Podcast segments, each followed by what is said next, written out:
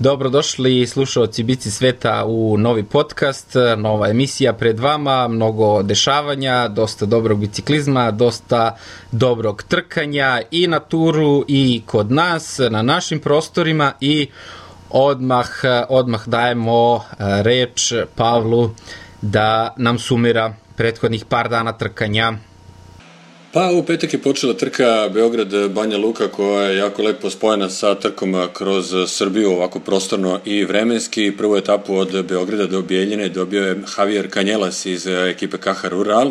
To mu je prva profesionalna pobeda u karijeri, a svoj prvi triumf e, ostvario i vozač ekipe Masovce Srce Poljsko Jakub Kažmarek koji je osvojio drugu etapu od Bijeljine do Vlasenice i Pretposlednju, a, treću etapu voženu u nedelju dobio je Enrique Sainz iz Kern Farme.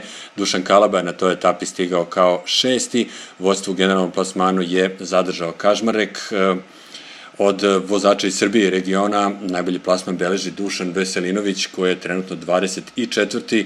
Do kraja trke se vozi još jedna etapa od Dervente do Banja Luke i Kad smo se već dotakli regiona, stižu sjajne vesti od Jelene Erić, koja je imala dva negativna testa na virus korona, te tako eto ponovo može da vozi. Ona će učestvovati na ovogodišnjem Giro d'Italia, koji počinje već sad u petak, odnosno 11. septembra.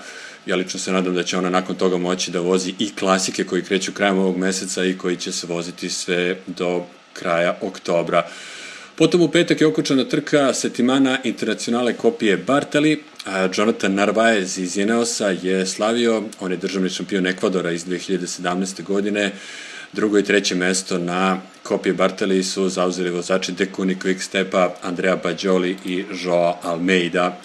U subotu, dakle dan nakon okončanja Bartalije, je okončan i Baby Giro, odnosno Giro d'Italia za vozače do 23 godine starosti i pobednik u generalnom plasmanu je Thomas Pitcock, nekadašnji vozač e, ekipe Wiggins Call, u pitanju juniorski svetski šampion u hronometru za 2017. a recimo prošle godine je osvojio Paris Roubaix za vozače do 23 godine starosti. Ovde konkretno na Baby Giro je osvojio tri etape i takođe ponao majicu najboljeg brdaša, vidjet ćemo šta budućnost za njega nosi. Stižemo do Tour de France-a, kojim ćemo posvetiti najveći deo emisije. Od kako smo se poslednji put čuli i videli, vožene su tri etape, sedmo je dobio Wout van Aert, u pitanju njegova, njegova druga etapa ove godine, ukupno treća za a, Jumbo Vismu, takođe Peter Sagan je na toj etapi preuzeo zelenu majicu, Pobednik osme etape je vozač AG Duera Nance Peters, koji već od ranije ima jednu pobedu na Giro i sada evo i na Turu. Etapu su obeležili i veliki zaostaci Tibua Pinoa te Žilijana Ala Filipa, takođe Egan Bernal je prešao u belu majicu. A pobednik devete etape vožene u nedelju jeste Tadej Pogačar, koji je tako postao najmlađi osvajač etape na turu još od 93. godine. Tom prilikom je Primož Roglić preuzeo žutu majicu od Adama Jejca, a odmah iza Roglića na drugom mestu u generalnom plasmanu nalazi se upravo Egan Bernal. Od ostalih vesti treba reći da će svetsko prvenstvo ipak biti održano, ono je prvobitno trebalo da se održi u Švajcarskoj, s tim da je zbog zabrane sportskih dešavanja na kojima se okuplja više od hiljadu ljudi najpre otkazano, odnosno odloženo, pa evo sada znamo da će se od 24. do 27. septembra voziti a, oko Imole u oblasti Emilija Romanja, Devojke će voziti pet krugova ukupne dužine 144 km, muškarci 9, ukupne dužine 260 km. Mlađe kategorije neka oproste zbog čitave problematike i, i, i termina održavanja ove trke, odnosno koliko je hitno sve organizovano i uopšte uslova putovanja, korone, izolacije, neće biti trka mlađih kategorija i poslednja, da kažemo, vest, odnosno najava, Od ponedeljka počinje trka Tireno Adriatico, vozit će se punih 8 etapa, dakle neće biti skraćena trka kao što je to bio slučaj sa Dauphineom i sa drugim nekim trkama po povratku nakon pauze, nakon izolacije. U pitanju je pripremna trka pred ovogodišnji Giro, Na startu će se između ostalih naći i Vincenzo Nibali, i Simon Yates, i Jakov Fulsang, i Aleksandar Vlasov. Vidjet ćemo dokle su sa pripremama stigli Geraint Thomas i Chris Froome.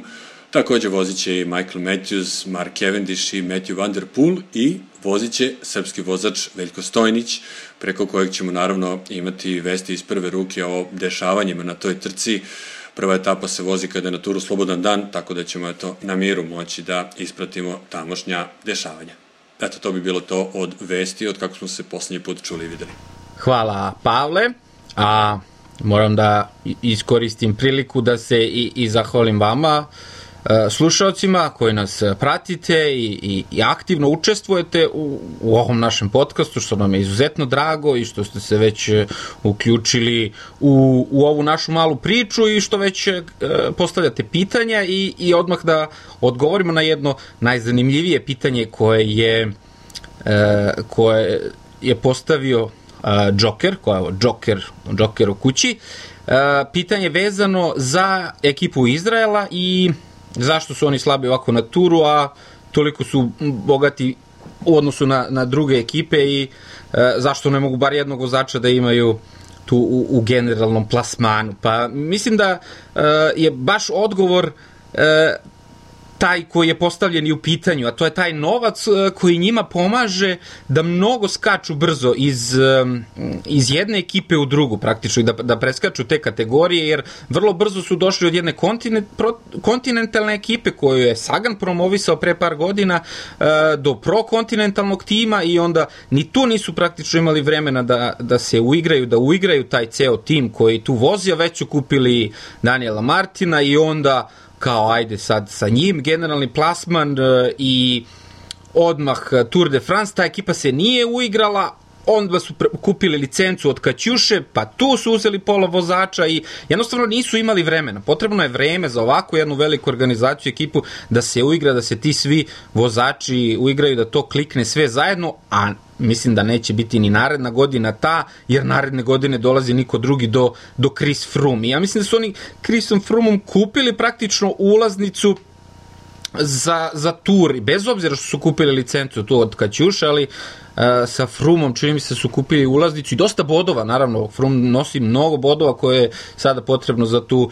ućevu rang listu. Tako da, mislim da će njima trebati par godina da se uigraju, da li će Frum biti tu uh, na visini zadatka, vidjet ćemo naredne godine, a o tom potom, ali evo još jednom da, da, pohvalim, da vas pohvalim što, što slušate i što evo, če, svemu ovome što mi radimo uh, dajete smisao i hvala vam na, na, na toj uh, interakciji koju ostvarujete na različitim mrežama. Ja uveliko radim i da ovi audio podcasti stignu i na druge platforme na kojima slušate neke druge podcaste, SoundCloud, šta već to ima i ostale i u narednim danima mislim da nas možete potražiti, ne znam koliko će treba trajati naša ta tranzicija od Mixclouda i YouTube-a do, do, do svih ostalih platformi na koje slušate, na kojima slušate i vaše uh, vaše ostale i uh, o, druge omiljene podcaste.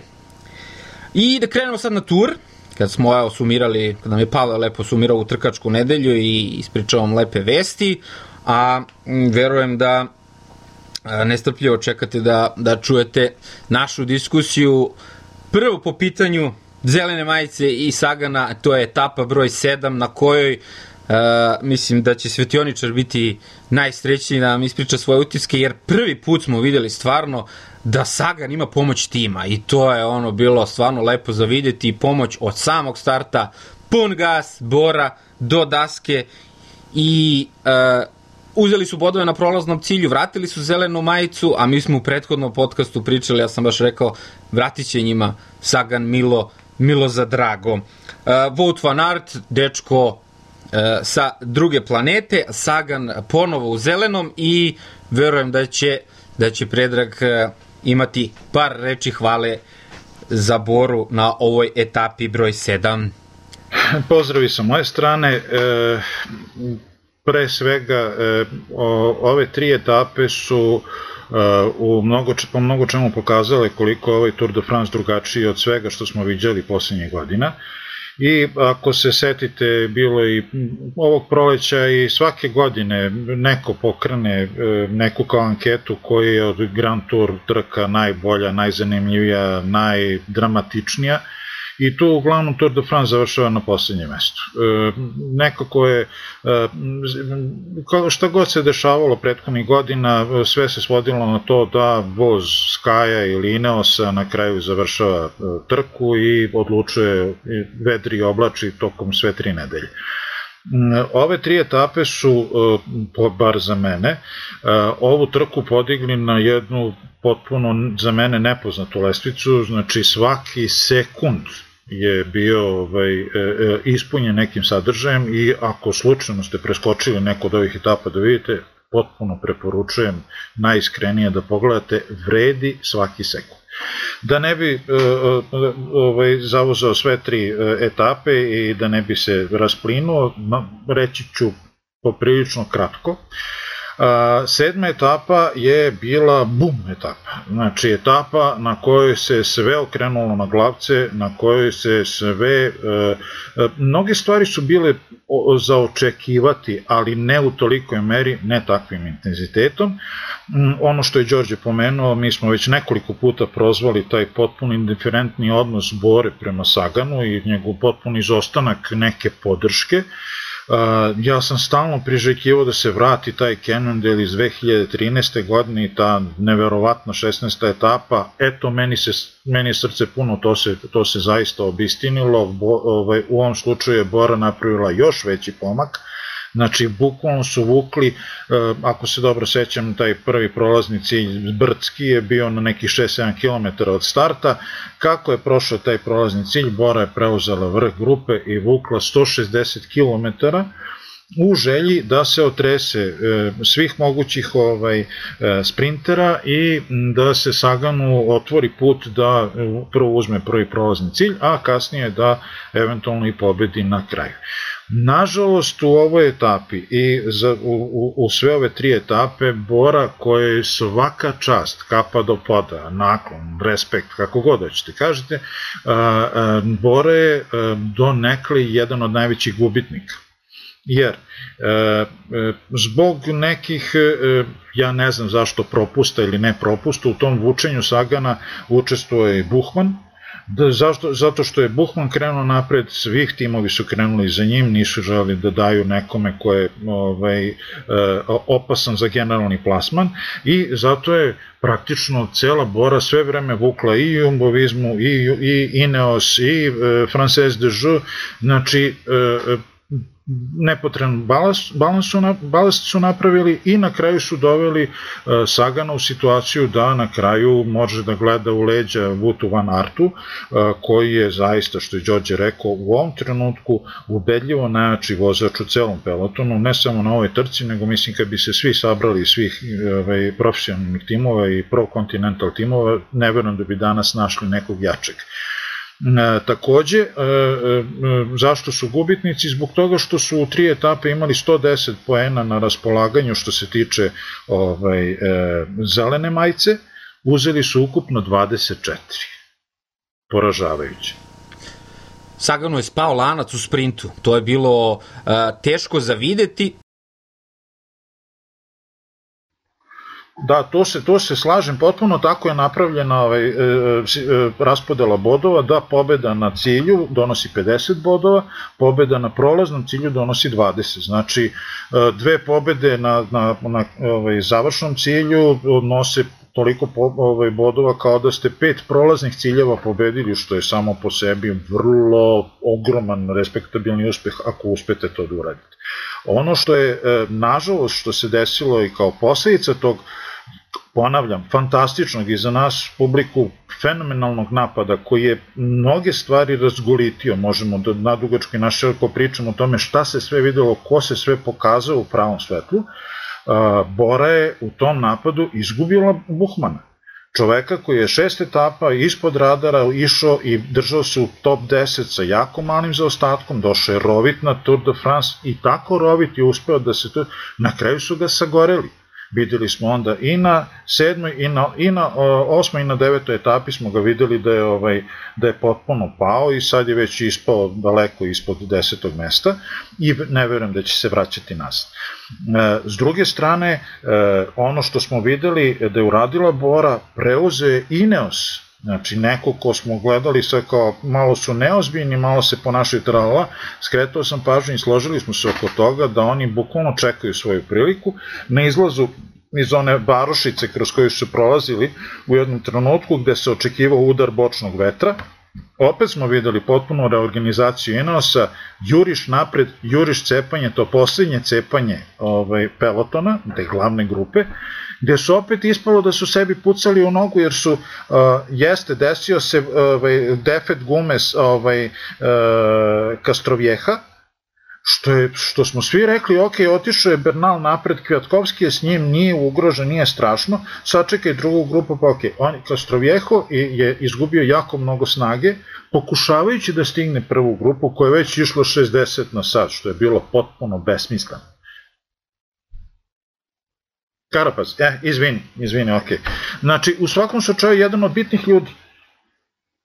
I ovaj, e, sve to što se dešavalo u sedmoj etapi, ja bi samo zaključio s tim, e, sve što smo videli u osmoj i u devetoj etapi, u najvećoj meri su posljedica sedme etape, koja je bukvalno u ovom trenutku preokrenula celu trku i bukvalno bila udarna kapilstva za sve ostalo što se dešavalo.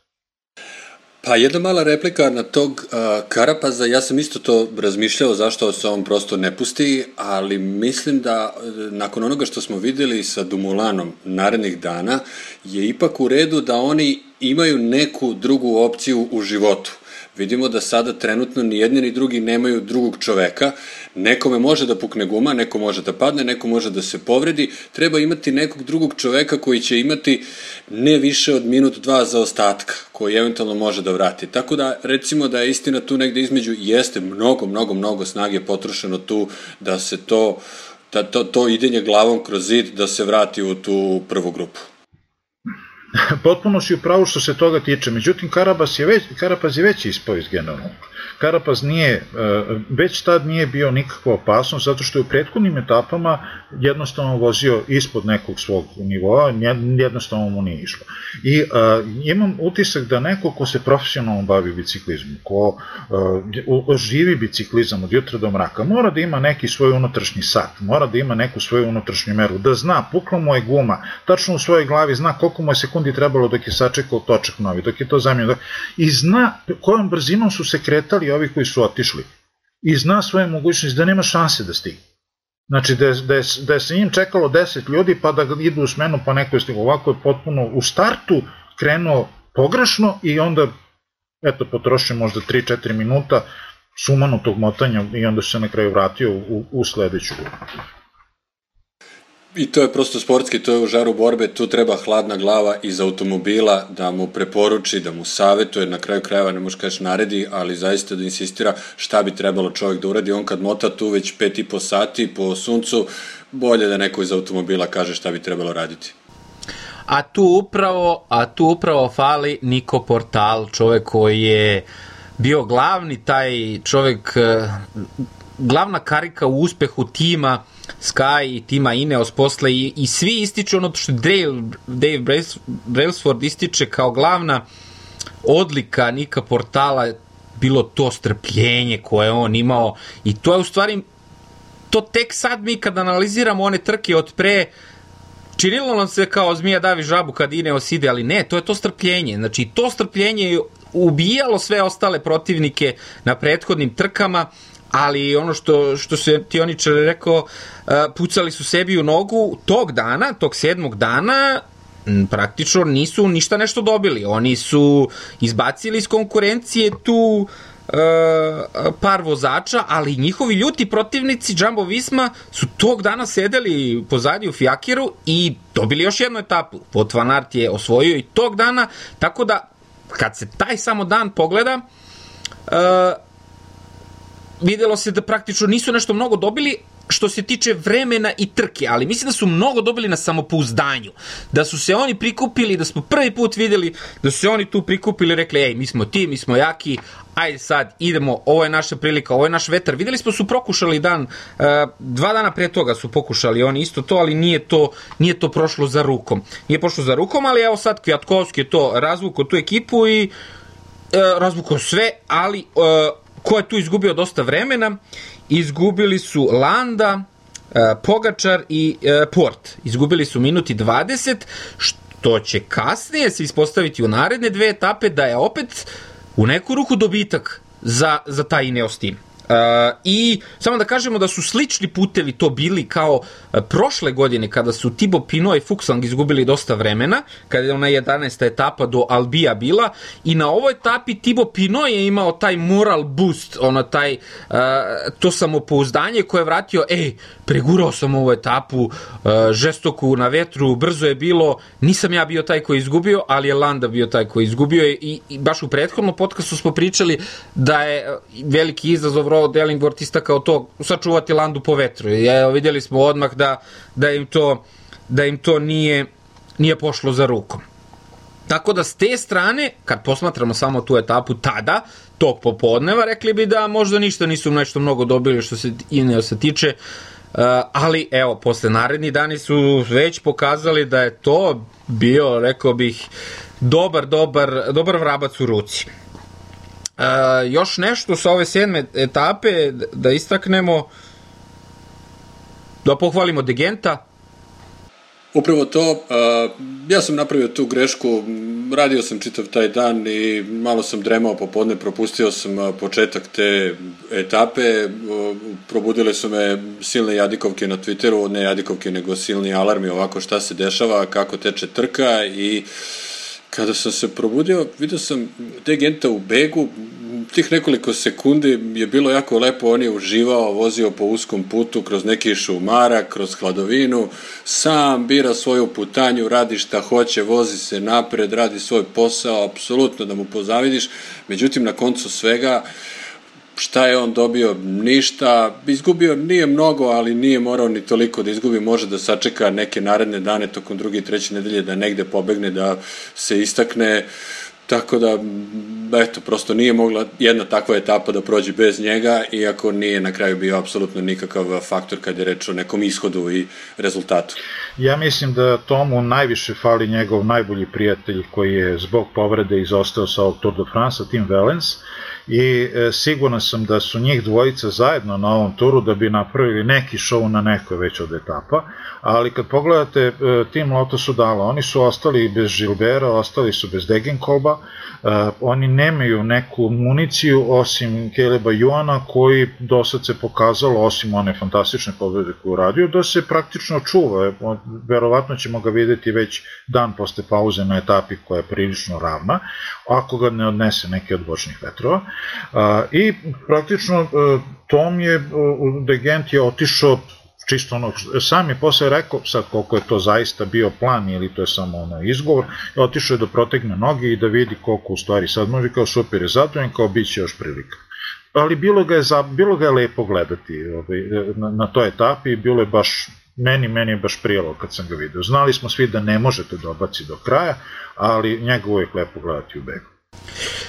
I da, da završimo sa, sa ovom sedmom etapom, opet kažemo Wout van Aert, dečko s ove planete, osprintao Boston Hagena, svaka čast. I sad pitanje je da sad ono, pitanje za milion dolara da se Boston Hagen nije prethodni, ispucao prethodni dan na onoj šestoj etapi e, kad je bežao sa Lucenkom, da li bi možda ospritao Vod Fanarta, ali čisto, čisto sumnjam. Na toj šestoj etapi je fantastično sve funkcionisalo za stanu, tu im je bukvalno kliknulo sve kako treba, sve kako su isplanirali, e, išlo je po planu, za mnoge drugo timove nije. Idemo e, dalje etapa broj 8 i prve planine i prvi Pirineji uh, nisu ove godine toliko uh, odlučujući, ali su, videli smo, veoma važni i fa sjajan i fantastičan triumf uh, tečka iz uh, francuskog tima, Nance Peters, Francuz, koji je vozio neverovatno, a mi smo po prvi put videli okršaj, okršaj favorita na tom na tom a, poslednjem brdu i ovo je bio prvi veliki test u planinama. Ja bih izdvojio jednu stvar, još to da će naredni veliki test biti, onda kad vi budete slušali najvjerojatnije ovaj podcast i to je ponedeljak, a to će biti prvi test pelotona na koronu. I to će biti ono nešto što je Svetioničar rekao, ovaj tur je potpuno različiti po trkanju, ali još jedna stvar koja a, izdvaja ovaj tur je to što se vozi potpuno u, u ovo sumanuto vreme i u vanrednim uslovima, a i na ovoj osmoj etapi smo videli na onom poslednjem brdu da Pogačar maše ljudima onim daj sklonite se da prođem. E, za standarde tura definitivno dosta manje publike ali dosta neodgovorne publike. Tako da sad to, će meni, to je meni bojazan da stavimo to sa strane a, a da se vratimo etapi. A, mene to, samo još kratko o tome, poprilično me čudi da jedna tako velika organizacija kao što ASO ne čini a, nešto više, a, barem koliko čini vezano za sve vozače, za same aktere pod kolikom su, pod kakvom su oni, ne možemo reći torturom, ali pod kolikim su nadzorom i svime, da ljudi gore ne budu, a to smo apsolutno mogli znati. Imamo pozitivan primer iz Mont Ventoux Denivel, Denivel Challenge-a, gde su ljudi pušteni do određenog vremena da prođu i to samo ljudi koji imaju bicikl. Dakle, ako hoćete gore da gledate, izvolite, ne može kolima, ne može peške, morate da imate bicikl i može, na primjer, da se dođe do 10-11 sati, koliko im sad dalje treba da se popnu, da dočekaju da gledaju trku, što je neki određeni garant, to je određeni filter. Ja sam očekivao da će to da se primeni ovde i samo možemo da se nadamo da nije kasno, da će to da se primeni na narednim etapama, sigurno će ESO da ima komentare i reakcije i vozača i, i, i ljudi i javnosti, pa da eto, to učini za naredne etape. I ako nije kasno, da se vratim na početak a, etape koja je vožena u subotu, koju sam gledao od samog početka, nisam želeo da, da ponovim grešku od prethodnog dana, i a, video sam kako Sagan, kako se formira beg i kako Sagan merka da li da krene u beg ili ne, pošto je ovih dana Sagan nekako i javno priznao da nekako ne može više da se nosi sa onima najboljima ili konkretno sa, sa Samom Bennettom i on prosto znajući njega pronalazi način kako da osvoji zelenu majicu. I meni deluje da će on uspeti u tome. Tek su druga i treća nedelja pred nama, o tome je Peđa dovoljno pričao. I bilo je jako lepo gledati da on prati da li da se uključi u beg, relativno brzo nakon starta, već posle 15 km je bio prvi prolazni sprinterski cilj, a, a Sagan je tu negde izbrojao koliko tu ima ljudi, na kraju se izdvojilo 13 ljudi, što znači da kad oni prođu, kad beg prođe, ostalo je da se podele još dva i još jedan bod za sprintere koji tu prvi prođu. Ispostavit će se da je Sam Bennett prvi prošao i smanjio svoj zaostatak sa 9 na 7 bodova. To je na kraju bila dobra procena Sagana, jer recimo da je tu krenuo sa tim begom, da je Sam Bennett takođe krenuo u beg, jer je bio tu na točku Sagana, ako Sagan na tom cilju ne bi bio prvi, ako bi bio možda čak treći, četvrti, izgubio bi više bodova, jer je veća razlika. Et, eto, samo tako jedna mala opaska na to, bilo mi je to simpatično da gledam kako on tu merka,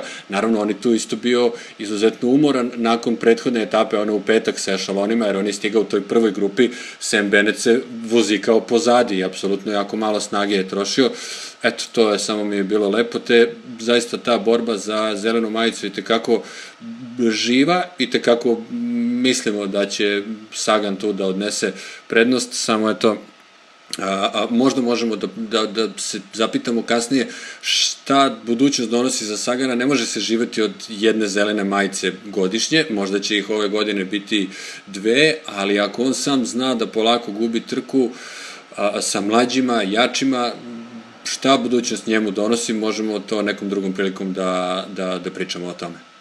A, pošto si napravio do, jako lep uvod, pomenuo si sam početak ovaj, e, etape broj 8 o kojoj smo već planirali da pričamo, e, ja ću reći jedno, dve stvari kao e, strastveni navijač Sagana. Znači, što se mene tiče, on je sada okači bicikl o klin, on je meni jedan od najvećih biciklista svih vremena i to je to. Ali, dok je na drumu, odložen je svakoj kritici kao i svi drugi i tu zaista neće imati milosti. A, s, e, ono što, što, e, evo ja kao ponavljam, ne znam većeg navijača Sagana nego što sam ja. E, ja e, nisam siguran da će on osvojiti ove godine zelenu majicu. E, previše propuštenih prilika je napravio e, i bojim se da će to sve teže biti nadoknaditi. I ono što mi e, govori da sam nažalost u pravu, barem iz ovo, danas gledano, od kako pratim Sagana, pratim ga još iz vremena Likvigasa, prvi put se desilo da je Sagan prošao ciljnu liniju kao pretposlednji. To se desilo danas on obično od, od, izađe ispred grupeta, samo da nije u grupi, da bude sa dva, tri čoveka minut pre grupeta, eto, čisto da se kaže, redko se desi da sa grupetom stigne, ali da stigne kao pretposlednji u grupetu, to se nikad nije desilo. Što meni pokazuje da je on preumoran Znači, on, e, može, da se, može se desiti da za mesec, dva, tri e, e, ovaj, pročitamo da je bio povređen, bolestan, da imao neke emotivne probleme, nije bitno. Danas na trci on nije sav svoj. Ja bih rekao trenira samo za Giro, jer toliko je najavljivo Giro. E, I toga ima, sigurno. E, to, druga stvar koju je Pavle pomenuo, ne može da se živi samo zelene majice, pod uslovom da je dobije, i to je sigurno svestan toga. Znači, nikoga neće plaćati tako da je beo ugovor da bi se on šetao. E, on ima harizmu, on je prodavac, on je, za, ali eto, kad pogledate sad, nije više ni zabavljač nema nekih njegovih izleta, nema nekih njihov, njegovih ludovanja. On e, mentalno, emotivno, psihički, kako god, e, nešto nije kako treba sa njim. Ima, on sigurno sam ima probleme neke koji možda apsolutno nemaju veze sa biciklizmom, koji se a, odražavaju na njegovu vožnju. Takođe godine dođu a, i a, ono što recimo jedan od načina kako bi možda mogao da, da, da nastavi karijeru, to je nešto što radi Arnaud Demar već ne znam koliko godina ili Aleksandar Kristof. Pojave se na tri velike trke ako uspiju, ne uspiju i onda krenu po nekim sitnim klasicima i kad saberete na kraju sezone, Arnaud Demar ima 22 pobede. I pogledate gde je pobeđivo, nikad čuo. Ali to mu se računa kao pobeda. I baš ga briga. I, e, ne, neosporno je najpopularniji vozač u Francuskoj. Da se vratimo u ovoj etapi, da hvalimo malo pobednika, ja mislim da je dečko stvarno zaslužio, Nance Peters, koji ima jednu sjajnu pobedu prošle godine na Džiru i ove godine na ovoj etapi je odvezao trku života, rekao bih, pogotovo što je uh, on pobedio mnogo, mnogo bolje brdaše u tom velikom begu koji je Pavle već uh, pomenuo, 13 ljudi je tamo bilo, to su bili uh, pravi, pravi brdaše, videli smo Nelsona Paulsa, Zakarin je bio tu, Zakarin je u direktnom duelu pobedio i to gde? Nizbrdo, nizbrdo i kad je on posle dao intervju, rekao je, ma nisam se plašio Zakarina uopšte, vidio sam da se spušta kao koza nizbrdo, što je i, što i jeste bilo očigledno ali potpuno su dva različita stila vožnje bila je Ilnura Zakarina i Nansa Petersa. Nans Peters je u, timu uh, La Mondial, Age Duer, kako bi rekli francuzi, ja ih nikad tako nisam zvao, zvao sam ih, koji piše Dwyer, uh, koji ove godine imaju Bardeja sad u generalnom plasmanu, koji je dobar i dalje, koji je na toj etapi otkinuo sekundu, ali Barde ide sledeće godine u Sunweb, a, a tim dobija još jednog velikog sponzora, znači zvaće se Citroen sledeće godine, znači oni dobijaju jednu veliku finansijsku sigurnost i on je samo potvrdio i rekao bih a, a, potvrdio Citroenu i toj PSA grupi e, ovo vredi, u ovo vredi ulagati koliko je on dečko srčano tu vozio i kako je išao nizbrdo i uh, fantastično, mislim, stvarno, stvarno fantastično i ja se gledam, nijednog trenutka se on nije okrenuo. Znači, nijednog trenutka se on nije okrenuo, nije se uopšte plašio za Karena kad je krenuo, on izbrdo u prve dve krivine ga je ostavio i to je bilo to. Međutim, treba uh, treba na kraju na kraju se naježio kad je prolazio kroz cilj videlo sam ima ta sliku smo ostavili na Twitteru ali treba opet i posmatrati drugu stranu medalje. Znači, za Karin, Svetioničar je to istakao na Twitteru, imao jedan strašan pad prethodnih godina, onda posle toga vozač više ne razmišlja isto. Druga stvar, pozicija za Karina, on je kao pravi onaj ruski hrt, pozicija za Karina uopšte nije za nizbrdo. Znači, on je ono, 6 vati po kilogramu i udri na, na, na brdu i vozi pun gas. Ali a, šta je mene tu iznenadilo, jer bukvalno je ceo svet bruji o tom duelu i o duelu posle favorita, o tome ćemo posle, posle pričati, ali uh, ja sam slušao izjavu uh, Simona Geškea, koji Geške, čovjek iz njegovog tima, kaže, ko ćeš da pobediš Tour de France, moraš da ideš dobro i nizbrdo. Mislim, to smo vidjeli prvo i kod Fruma prethodnih godina.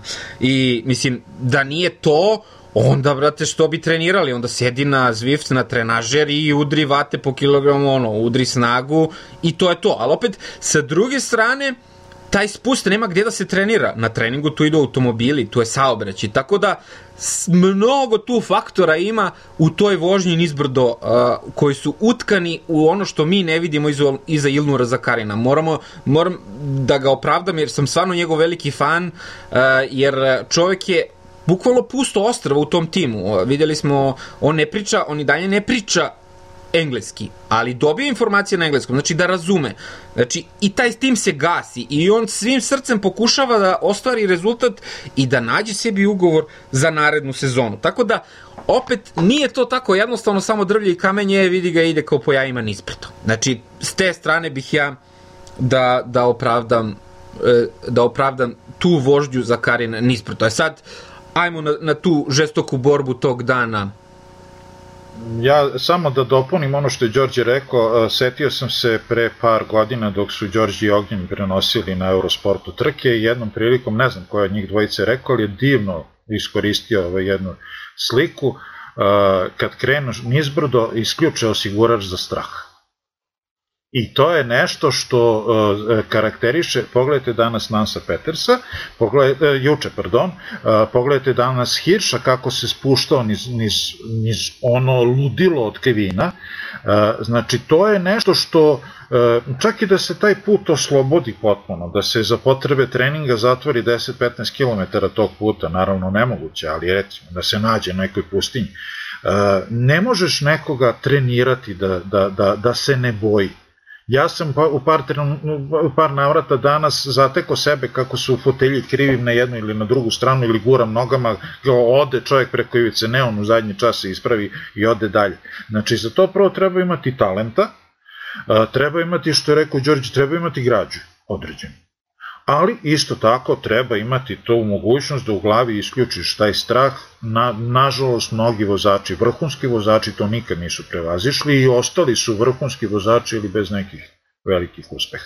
Ajde da se vratimo dalje na, na, na ovu etapu. Uh, ona, ona grup, ono što, smo, što je ovaj, karakterisalo, znači uh, gledali smo nekoliko borbi unutar te etape, glavna borba je bila glo, borba glavnih favorita, Videli smo u toku dana da e, neki od vozača su plaćali debeli, debel račun iz etape broj 7, pre svih Thibaut Pinot, koji je odjednom skliznuo iz generalnog plasmana i opet ono što je Pavle jedan put rekao, odmah se pojavljala njegova gestikulacija, njegovo očigledno nezadovoljstvo, iako je e, Štefan Kung pokušavao da ga odobro, odobrovolji, da, i, a, a, ono što mi se a, e, svi, dopada kod Frances de Joux, a, a ponekad je to samoubilački kod njih, to je kad e, njihov glavni vozač zastane, svi stane Imali smo prilike 2017. da gledamo kada je Arnaud Demar samo što je ušao u zelenu majicu posle onog incidentnog, one incidentne četvrte etape kada je došlo do onog sudara Sagana i Cavendisha, uh,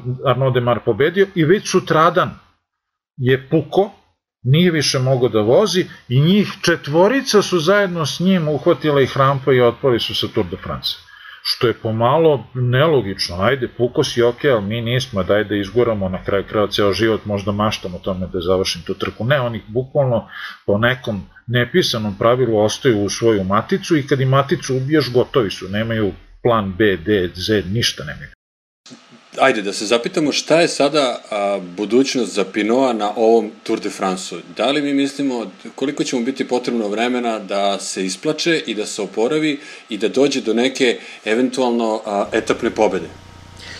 Tibo Pino je krio povredu, to su vre, a, povrede sa one prve etape, bukvalno povreda leđa, znači to je bukvalno kao kad se ono, ljudima to naj približni osjećaj kad se ukočiš, ono, pa ne možeš da odeš ni u WC, tako je Tibo Pio problem sa leđima koji su krili i sada kažu, stvarno ne znamo šta će biti odgovor na ovo tvoje pitanje, Pavle, stvarno ne znamo šta će biti. Sutra je dan odmora i to je dobro i nadaju se da će se oporaviti do kraja druge nedelje, da će tek u trećoj nedelji se ponovo uključiti u trku.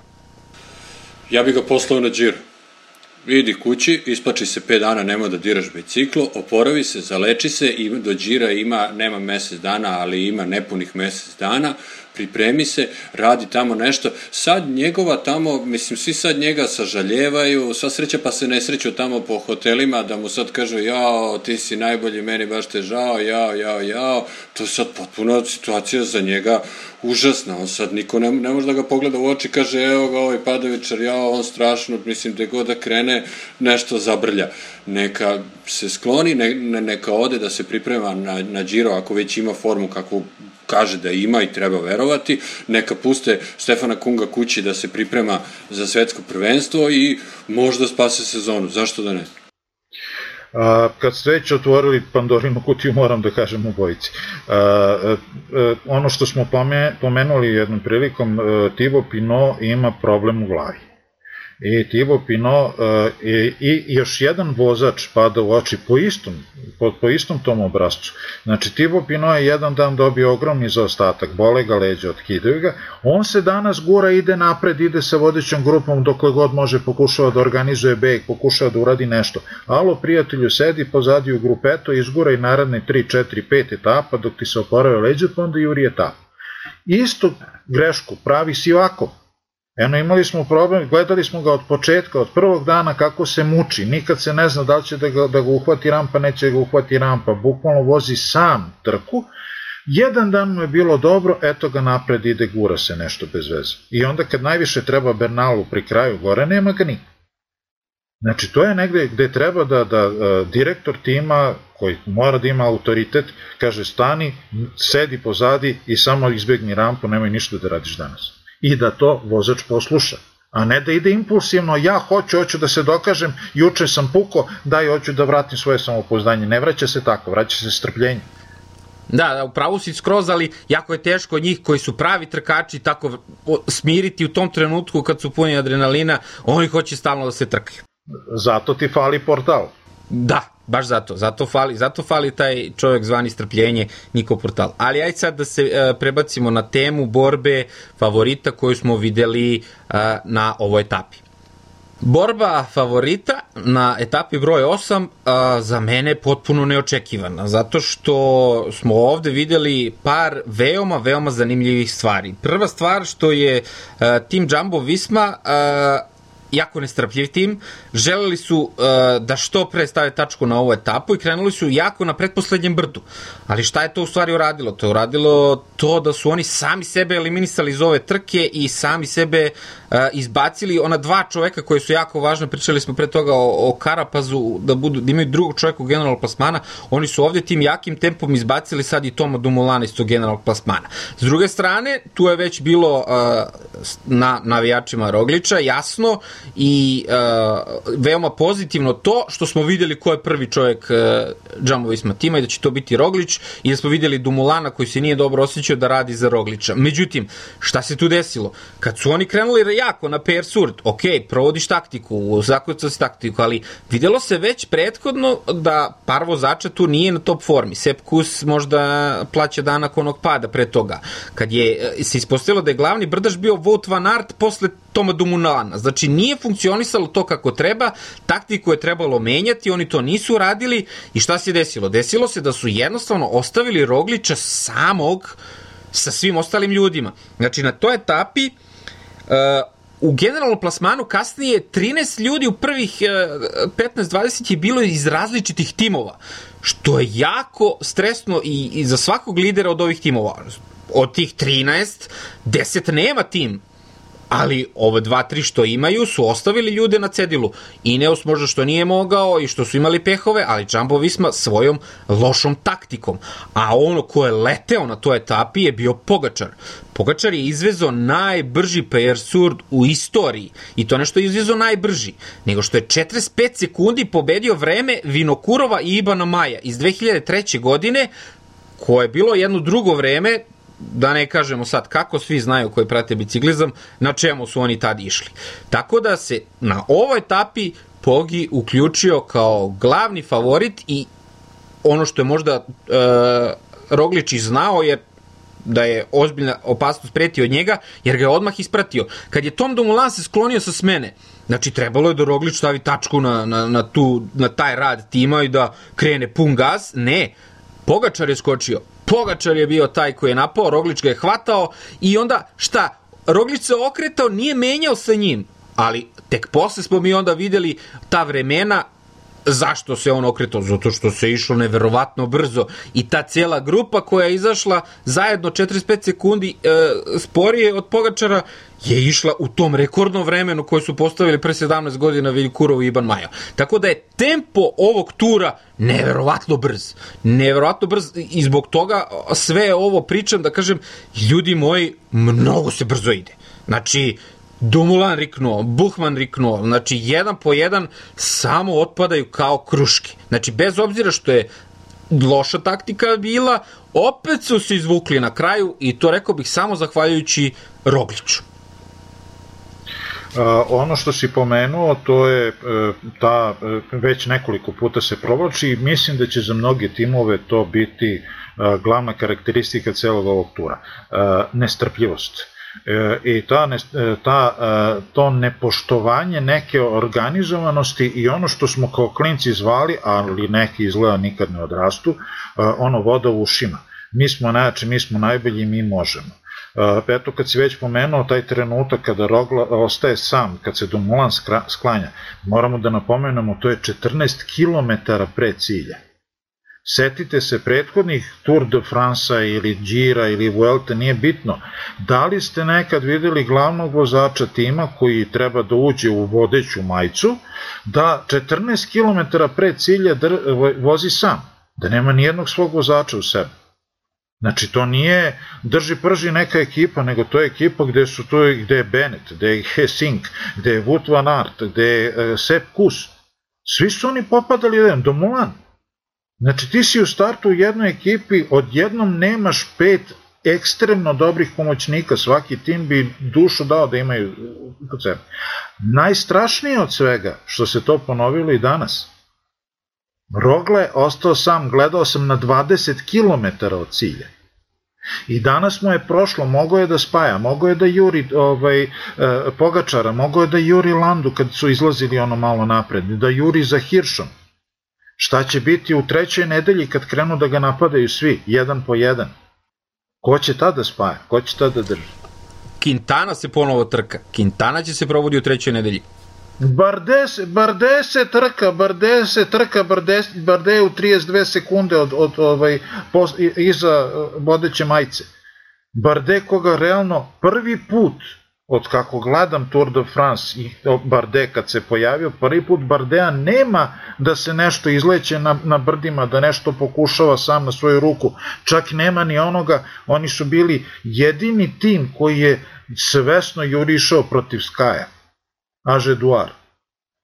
A sad nema tog tima, ali on i dalje je tu onako lagan preživaju i oni Quintana preživeli su onu Jurnjavu iz sedme etape, nije ih ubio vetar, nisu se potrošili, tu su. Znači, to su sve opasnosti koje čekaju, znači, moram da, da kažem, mislio sam ovo da sa, sačuvam za kraj ovo, ovo jedno logično mesto, znači, poručujem svim navijačima Rogle i svim navijačima ovaj, Jumbovizme, među koje i ja spadam do nekle, to je, što bi se reklo, naš čovjek iz Komšiluka, nemojte se previše radovati ovoj žutoj majici. Može preskupo da košta i može mnogo ranije da dođe do toga, nije bitno ko je sad nosi, nego ko će nositi na kraju. Ja sam mislio da žutu majicu posle ove osme etape, da žutu majicu videti neće. Kako su se trkali na osmoj etapi, bilo je stvarno upitno da ih naredni dana ostali pregaze i da ih ne vide uopšte do Pariza. Vidjet ćemo sve, e, sledeća etapa je etapa koja ide uz morsku obalu, dva puta prelaze jako dugi most preko mora, između Ostaro i mora i dva puta prelaze most preko reke, ali o tom potom, ali tu će biti udari vetra bočni, tu će biti ešaloni, tu svašta možda bude. Ali da se vratimo na osmu etapu i ja ću se vratiti na deo koji je Pavle pomenuo. Uh, Laura Mesegeri izbacila na svom profilu jako uh, ne mogu reći interesantnu, užasnu fotografiju, e, gde se vidi Pogačar koji pokušava da prođe kroz, kroz masu i ta masa koja mu se ubacuje u lice sa fotoaparatima, bez fotoaparatima, svi bez maski.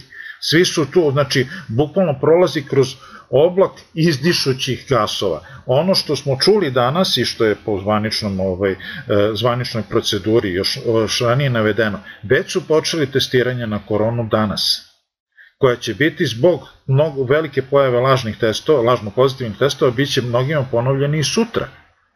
Lako može da se desi da mnogi od ovih vozača koje vidimo i koji su sad ha, ha, ha da samo bude proglašeno pozitivan i povučeni se trke. Zašto, zašto tim ljudima koji su tamo na vrhu, imali smo prilike da vidimo zaista da se prolazilo kroz jako puno ove, ovaj, navijača koji su uredno stajali sa strane, nisu istrčavali na put, nije bilo onih gluposti, dimnih bombi, 300 čuda i svi su nosili maske. I onda dođeš na najteže brdo i dođe 200 ludaka koji se krevelje u, u, u, u, u lice vozaču na metar i ono što je primećeno, da, gde su službena vozila, gde su motori sa, sa, sa obezbeđenjem. U jednom trenutku se bukvalno nije videlo kuda ide, kuda ide put. Gde, da li skreće, ne skreće, ti si čoveče bez duša ostao 150 50 km voziš uzbrdo, pa daj, daj mi malo vazduha, daj mi bar da vidim gde treba da vozim, to mi nije jasno. Stvarno bi trebalo pustiti jednu brigadu indijskih policajaca sa svojim bambusovim štapovima da trče ispred, viš kao bi stavno. Katastrofa. Možemo stvarno zaista da samo da se nadamo da će to u narednim etapama stvarno ima načina da to, da to srede.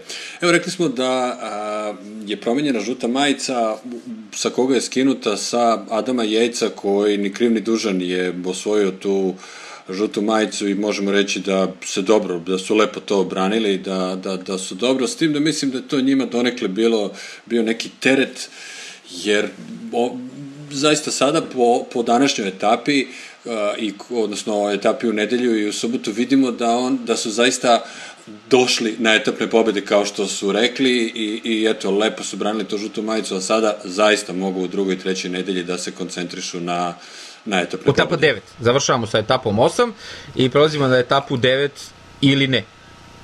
Još jedna stvar sa, sa osme etape, uh, Julian Alaphilippe.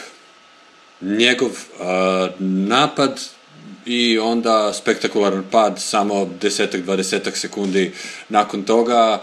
Dakle, eto, konačno je probušen taj, taj, taj, taj mehur, znamo da neće moći da ponovi uspehe od e, prošle godine. I opet ja bih se setio da je on pre dve godine bio osvajač uh, uh, tačkaste majice, da je bio najbolji brdaš, on je u subotu izgubio 18 minuta, u nedelju izgubio pola sata, uh, Tako da može sada da odmori još par dana i nakon toga eventualno da krene na te iste etapne pobede i na osvajanje tačkaste majice, što bi za njega apsolutno bio veliki uspeh. E, pričali smo već koliko on omiljen u Francuskoj, koliko voli da se trka, posjeduje taj, kako se to na engleskom, odnosno na francuskom kaže, peneš, odnosno vozi sa određenim šarmom, šmeker je i mislim da će on lako moći da se sada usred sredina to, da promeni svoj plan, ukoliko uopšte postojao plan da, da ide na generalni plasman, ja lično mislim da on nikad ne bi mogao da dođe do toga, prošle godine imao najbolju moguću priliku, čak i tada nekako možemo se pravimo pametni da kažemo da smo znali da ne može da donese žutu majicu do Pariza,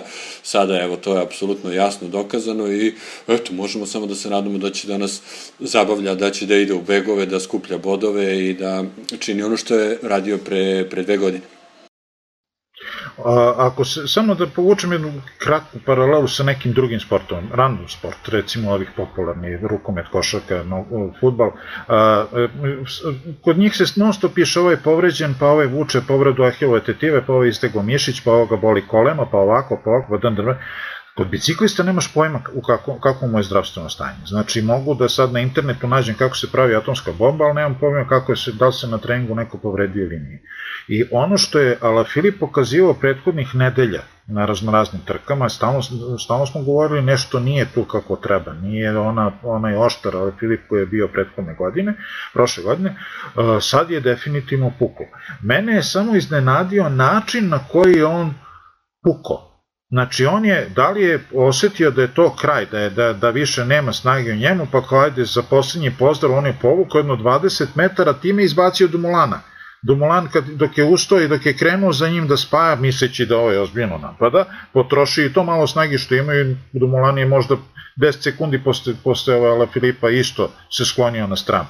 Ali onda taj, to što kažeš, taj, taj pad e, nije bio fizički pad, samo da napomenemo za ljude koji nisu gledali trku, on je bukvalno stao, on je krenuo u neki izletnički mod i bukvalno do kraja etape, to je bilo, vozili su možda još 5 minuta, za 5 minuta je izgubio 18 minuta. Šta god da je, želim mu svu sreću, pa vidjet ćemo se nekom drugom prilikom što se tiče generalnog plasmana. Ja bih ispričao samo jednu interesantnu uh, stvar još e, za ta posle za pobednika Nansa Petersa.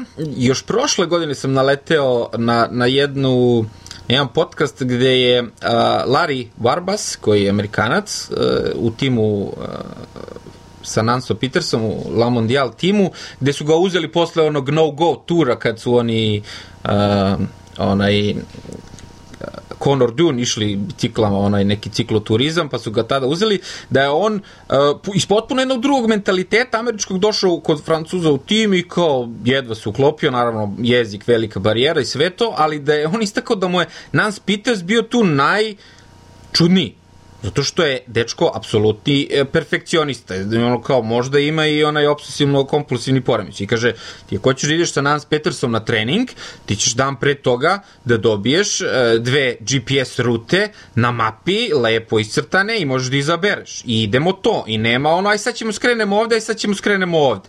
Ne, izabrao si, idemo ovu rutu ili ovu rutu, imaš da biraš. Ali ako si izabrao, idemo to i idemo to u toliko i toliko sekundi i to je kraj. Znači, dečko je pravi ono, profesionalac i profesionalac perfekcionista, to je ono, eto, da, da kažemo za kraj i meni je stvarno drago što je uzeo ovde, što je pobedio i što je protiv o, stvarno velikih imena išao fantastično i, i osvojio ovo. E, eto recept za Nansa Petersa, ako ćete ga pobedite, odete sa njim u beg i svaki 5 minuta mu kažete, daj svratimo na kafu. I etapa broj 9, etapa koja se vozila danas kad mi snimamo podcast, e, to je 6. E, septembar i a, nismo rekli smo za, za Pogačara da je prethodni dan leteo uz ono brdo i vratio a, e, dosta sekundi od onog što je izgubio na prethodnoj sedmoj etapi, 40 sekundi i danas etapa broj 9 preko brda, opet pun gas i pobednik uh, Tadej. Pogačar, dečko, kako Pavle reče, najmlađi pobednik još od kada 90 koje godine, Slovenac pobednik etape i Slovenac uh, osvajač žute majice, Primož Roglić, konačno imaju majicu i sad mogu da je čuvaju, ali da li je previše rano uzeta majica, jer kao da je na toj osmoj etapi, kao da je i dalje bila žuta majica vruć krompir, pa nije Roglić teo da uzme, ali ja mislim, posle te kad su izašle brojke, mislim da je bilo iza njega mnogo brzo i ono što je Dumulan vukao, a što je rekao Svetioničar Zala Filipa, šta je radio, vrate, skočio i riknuo, ono, kogod je ovde skočio, on je otpao, koliko, koliko je brz tur, to je neverovatno, koliko je brz tur i danas smo videli na devetoj etapi, Buhman je pokušavao i otpao slavno, ono koliko je izgubio vremena, a heroj dana definitivno, heroj dana švajcarac Mark Hirši, dečko koji je išao, on je išao bolje od celog pelotona, od cele Jumbo Visme, od, od ja ne znam kako opisati ovu njegovu vožnju, još bolje, rekao bih, vožnja nego, nego Nansa, Nansa Petersa. I na kraju ga stižu na kilometar do cilja i on prvi kreće u sprint i sprinta i i koga pobeđuje? Pobeđuju ga dva najbolja čoveka na praktično na trci trenutno, pobednik dana i nosila žute majice. Znači, dečko, svaka ti časa. Hiršija smo vidjeli da ga je Ala Filip pobedio onog drugog dana, da, praktično samo na iskustvo, jer je previše veliki razmak ostavio Ala Filipu na tom sprintu. Tako da Hirš je ono heroj do, do sadašnjeg tura uz Wout van Arta. Ono, mislim, a, a, onaj heroj sa kojim možemo da se identifikujemo koji je ono kao ja pokušao i dva puta i nije uspeo a Vote Van Art šta god da je uradio uspelo je. Uh, Mark Hirschi uh, i da pomenemo opet Nansa Petersa juče uradili su spust uh, sa, sa ovaj, takvom hiruškom preciznošću. I ja sam sve vreme u glavi zahvaljivao svim bogovima biciklizma što nije bilo kapi kiše. E, da, da, su, da je bilo iole ne, neka kiša onako brzo ne, ne bi mogli da voze ili bi završili negde u nekom jarku, ne daj Bože. takođe, kao i e, u svakoj prilici gde neko hrabro krene, pobegne, beži, sto, održava neko rastojanje, sa žaljenjem sam sačekao i taj trenutak kada su ga dostigli, e, nekako se znalo ko će biti prva, prva trojica, ovaj, jer ipak u toj, u toj, u toj petorici e, i Bernal i Landa nisu u sprintu, nemaju nikakve šanse. E, eto, neko sam se potrebno nadao da će Hirši ipak da se vrati da pobedi, kao što je one prilike e, Lucenko bežao, bežao, bežao, pa ga uhvatio Roglič na kilometar pre cilja i na kraju ga Lucenko odsprintao, da beše na Tirenu Adriatiku ili na nekoj takvoj tirka prošle, preprošle godine, ali ovde se to nažalost nije desilo. dopalo mi se e, izjava Pogačara koji je rekao da ako hoćeš da nadokneš vreme moraš da napadaš. E, i to je e, osveženje u odnosu na mnoge druge situacije koje se imamo prilike da vidimo, a verovatno i svi ostali, kada se, kada se dobije neki zaostatak, e, čekaš da, da zaostatak spadne tako što će onaj drugi da vozi slabije. E pa neće moći, digneš se, ideš pa koliko možeš, sagoreo, ne sagoreo. To se donekle isplatilo Landi, koji je, koji je ipak, iako, eto, ovo su njegovi Pirineji, nije nešto blisto, nije nešto cveto, ali je tu. Drago mi je bilo kad sam juče video i njega i Porta da su probali da urade nešto, znači ono neki svetlo stare slave i raznoraznih nadanja koje smo imali svih ovih godina da će neko, neko od njih dvojice napraviti nešto, ali e, e, neki ozbiljni pokušaj, neki ozbiljni udar, jedino što je Pogačar uradio i lepo mu se vratilo. I nadoknadio je puno. Nadoknadio je puno e, sekundi koje je izgubio na, na, na, na onoj etapi i e, osvojio prvo mesto štaš bolje. Inače smeju se što ja skačem ovde i navijam dok, dok Svetioničar hvali Pogačara. Imate, imate sreću, da, poštovani slušalci, što ne morate da gledate Đorđe da priča, to je jedan užasan osjećaj, to je katastrofa i, i Pavlo i ja pijemo lekove za smirenje, ali eto, nekako ćemo da preživimo. Moramo ovako, evo da vas presječem, da, da uvedemo rubriku ko je bio ko je bio Pajkonen dana, ko je bio Đole dana, ko je bio Ložiona dana, ono, znaš, i ko je bio svetioničar dana, svetioničar dana, ko je svetleo, svetli primer, mislim da je to Mark Hirši, da, da. E, i ko je bio... Ne, ne, ne, ja ću, ja ću i ko je bio Kulaža da, da. dana, ko je bio Pavle dana. da, da, da. Ko je bio Pavle Stašić, znači Pajzor. Ne, definitivno Pogačar je i e, čovjek koji je najviše napadao do sada. Znači, uh, Ineos je dobru stvar sada vidimo uradio onda kad je bila ona sedma etapa. Znači, i minuti 20 su, rekao bih, najjačem čoveku uzeli. Samo da ne pregori Pogačar sa tim napadima. Već danas, odnosno na devetoj etapi, je taj napad bio malo klimav i to u redu je, dobro je prošao. On je na, u, u petak na ešalonima radio, radio, radio, radio i radio u onoj grupi koja je jurila da ima što manji zaostatak, pa je onda u u subotu vratio 40 sekundi i danas je dobro prošao da ne pregori, dobro će mu doći pauza i ovih par nekih prelaznih etapa, pa da ne mora još tu da se bori sa vetrom, malo da se tu ušuška u grupu, pa onda od nedelje opet da, da nastavi da napada. Eto da pomenemo da je Pogačar danas pobedio u etapi koja je bila, nažalost, jako ružna za tim Ujedinjeni Arabski Emirati, Ru je morao da napusti trku, ne znam šta se desilo juče, e, nismo videli, e, on je današnju etapu, ja mislim da nisu prešli 2-3 km, on je već bio 10 sekundi imao za ostatka i pokušavao i vozio se ono grobarsko vozilo pored njega i davali su mu hranu i gurao nekih 30-40 km, ali očigledno nije bilo šanse da, da, da dočeka, da, ovaj, da izbegne rampu i da završi ovu etapu, napustio je Tour de France, a s druge strane, drugi čovjek, rekonvalescent, e, uporno i lepo gura, Wood Pous je e, svakim danom sve bolji i svaki dan završava etape na sve većem i većem mestu, očigledno više nije ono na kraju i Zeka pije vodicu da će uspeti da, da izbegne rampu ili ne, sad je već u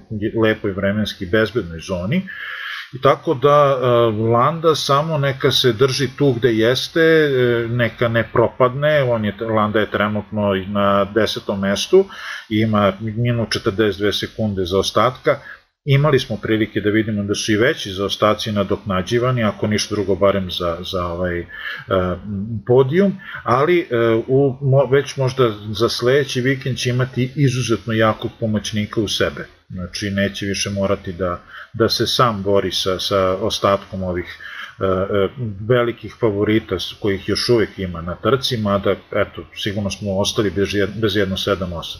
I da pohvalim Vardea, ja sam, pravo da vam kažem, bio u jednom trenutku potpuno ga izgubio iz vida. Čovjek se stopio sa okolinom, apsolutno vozi ispod radara, ne ističe se. Danas kada je krenuo da preseljava, tek sam onda ukapirao, čekaj brove, čovjek je još u trci. E, nije pao, nije se slupao negde, nije dobio neke besmislene minute. E, Barde je trenutno četvrti u generalnom sa 30 sekundi za ostatka. Ja verujem da bi ceo Ažeduar bio presrećan da ovako i završi Tour de France, da ne bude, da ne bude niže. Ali e, očekuje nas oho-ho trkanja u, u narednom periodu. Imamo 10 vozača u minu 42, što je lepo, otvara razne mogućnosti, tu su brdske etape, tu će biti dosta ove, tih nekih ravnih etapa na vrlo na velikim vetrometinama, gde smo videli da ni jedna od najavljeno dosadnih ravnih etapa ne bude dosadno ravno, mora se desi neki kušlus, nadam se samo da će proći bez nekih ozbiljnih povreda, ali e, ništa nije sigurno, e, e, nije sigurna zelena majica ovaj, Saganova, nije sigurna žuta majica Rogličeva, Bernalova bela majica realno ne bi trebala da, da, da dođe u pitanje. Tačkasta majica će takođe biti tek u, u naredne dve nedelje sa brdom brdskih ciljeva koji su ozbiljni brdski ciljevi, a ne uzimamo poen 2 na četvrtoj i trećoj kategoriji, će takođe do, biti na rasprode i tako da čeka nas ozbiljnih, ozbiljnih dve nedelje. Odmorite dobro. Ono što je meni uh, uh, simptomatično sa ove dve etape, odnosno da otvorimo temu Egana Bernala. Ako se vratimo na Dauphine, a, gde je Ineos zadobio drugi recimo udarac od uh, Jumbo Visme gde je nekako postalo jasno da se holandjani ne šale, Bernal je tamo povučen uh, navodno zbog uh, bola u leđima. Recimo da je to tačno i da nije, prosto ako, ako je to tačno, uh, znali smo da njega taj bol neće tako lako proći. Ako je to možda, eto, da se izrazimo polutačno, jer on je tog istog dana viđen da vozi stotina kilometara, ne takmičarski, ali je vozio, povučen je prosto da ne bi Ineos istrpeo još teži udarac, da ne bi on kao branac žute majice ostao tako teško poražen od, od Rogliča koji je zaista bio u, u, u naletu na toj trci, pa igrom slučaja ni on nije završio do fine.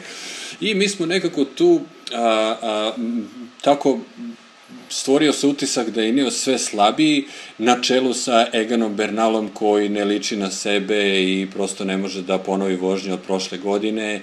Međutim, nekako meni sada stiče, stiče se utisak da, da je on i tekako tu u, u, u trci. Danas smo ga viđali, odnosno u subotu i nedelju smo viđali da, da propada, da ne može da isprati napad, pogotovo u subotu u više nego nekoliko navrata. Međutim, on uspeva da se, da se vrati na onaj njihov tempo što Ineos radi već godinama na čemu su na kraju krajeva karijeru izgradili. Tako da je to nešto što je jedan od utisaka sa ove dve etape, da je borba i tekako i tekako u toku. Po prirodi stvari Bernalu kao nekome ko je odrastao gde je odrastao će Alpi više odgovarati kada se bude išlo preko 2000 metara, kada se bude išlo preko 1700-800 i, i, i vidjet ćemo koliko će zapravo to, koliko je on zapravo slab, odnosno koliko, koliko nije a, a, a, slab. Kad si pomenuo Bernala, njemu sad ovaj razvoj situacije koji je Džabo Vizma njemu doneo, savršeno odgovara. Jer uh, Džabo Vizma je sam sebe izbacio iz tog generalnog plasmana. I uh, etapom broj 8. Da su oni išli na tempo i da se ništa nije desilo, kao što je Sky i Ineos išao prethodni godin, da se ništa nije desilo na ove dve etape, bilo bi savršeno za Jumbo Visma jer bi Tom Dumoulin bio tu. Ovako su oni samo sebi izbacili Tom Dumulana iz tog generalnog plasmana i Bernal je ostao protiv Rogliča. I to je što se tiče Ineos i Bernala fantastično. Ono gde, gde Roglič definitivno ima prednost jeste što je eksplozivniji od Bernala. Bernal je tako i, i vaspitavan u, u Ineosu, ako ne i ranije. I upravo 21 sekund koliko Roglič ima prednosti u odnosu na Bernala su samo sekunde koje je dobio bonifikacije na ciljevima, odnosno ili na prolaznim ciljevima. Danas smo mogli da vidimo koliko su tu zapravo a, a, a Pog i Rog, odnosno Roglić i, i Pogačar jači, jer je Bernal prvi krenuo da sprinta za prolazni cilj za sekunde bonifikacije, za 8, 5 i 2, međutim njih dvojica su ga jako, jako lako tu ostavili iza sebe i potom je repriza toga viđena na cilju. Bernal apsolutno nije mogao tu ništa, ništa, ništa da učini protiv njih dvojice, tako da eto, za sad prednost Roglič u tome što on može da skače, što može da, da reaguje, pa eto da skuplja dve po dve sekunde, to je sad 21 sekund, to je nešto što mu, eto, za sada donosi žutu majicu. Znamo da to neće možda biti dovoljno za drugu i treću nedelju, ali za sad je to tu u prednosti. A na drugoj strani prednost Bernala jeste što može da vozi u tom svom tempu, da se vrati. Recimo, eto, ajde sad, a, a, mala digresija, ali imamo i izjavu Adama Jejca nakon subotnje etape, kada je prvi put počeo da popušta. On je rekao, ja sam video da ne mogu, Malkice sam, Malkice sam vozio u svom tempu, pa koliko to bilo, 5-10 minuta, pa sam se vratio njima. Tako da to je znamo po receptu Ineosa nešto što i tekako može da donese uspeh i to je, eto kažem, nešto što je prednost Bernala.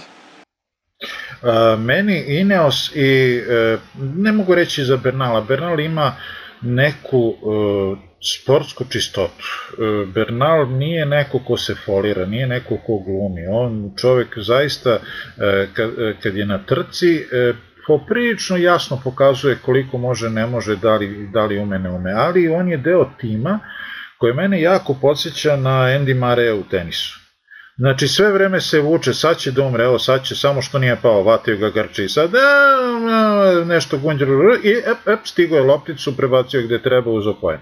A, tako, tako smo ne jednom videli Ineos kao, pa do, baš ne deluju sveže, pa ne deluju ovako, pa ne deluju onako, pa onda se digne Frumi sa 80 km stuče do Mulana na džiru i uzme ceo džira. Ili okrene celu trku sa skoro dva minuta za ostatka, uzme Simonu majicu i na kraju pobedi džira.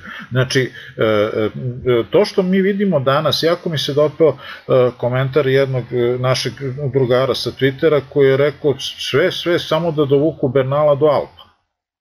Ako u, u celom ovom e, e, e, scenariju koji se trenutno odvija, e, znači početak trke katastrofalan sa padovima, sa svim ovim, pa sad ove neke ravnice, pa brda ovako, onako, koje Bernalu realno ne odgovaraju, ako on u celom ovoj, u celoj ovoj Google ostaje samo 20 sekundi iza Rogliča, to je uspeh.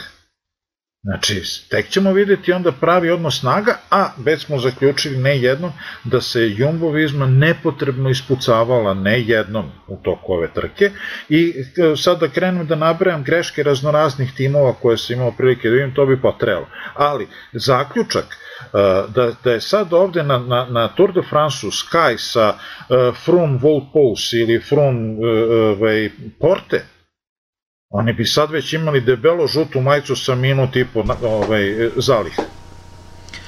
E, kad si pomenuo već to, ajde da, da i privodimo kraju i da ja istaknem samo uh, žal da više stvarno nikada nećemo vidjeti taj trio sa koji smo vidjeli na Dauphineu uh, Froome, Bernal i Geran Thomas. To se više nikada neće ponoviti u istom timu. Froome ide na Vueltu, Geran Thomas ide na Giro, a do godine Frum je u Izrael, u Izrael timu i to je, rekao bih, meni žal što nećemo videti da li taj njihov kuršlus i tu njihovu taktiku.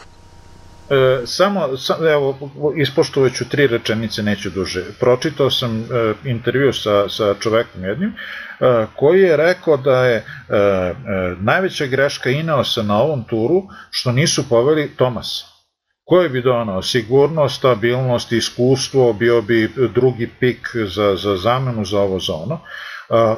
Moram da se najglasnije moguće ne složim s tim, jer svi smo videli na Dauphineu i svi smo imali isti utisak, Tomas ne bi radio za Bernal.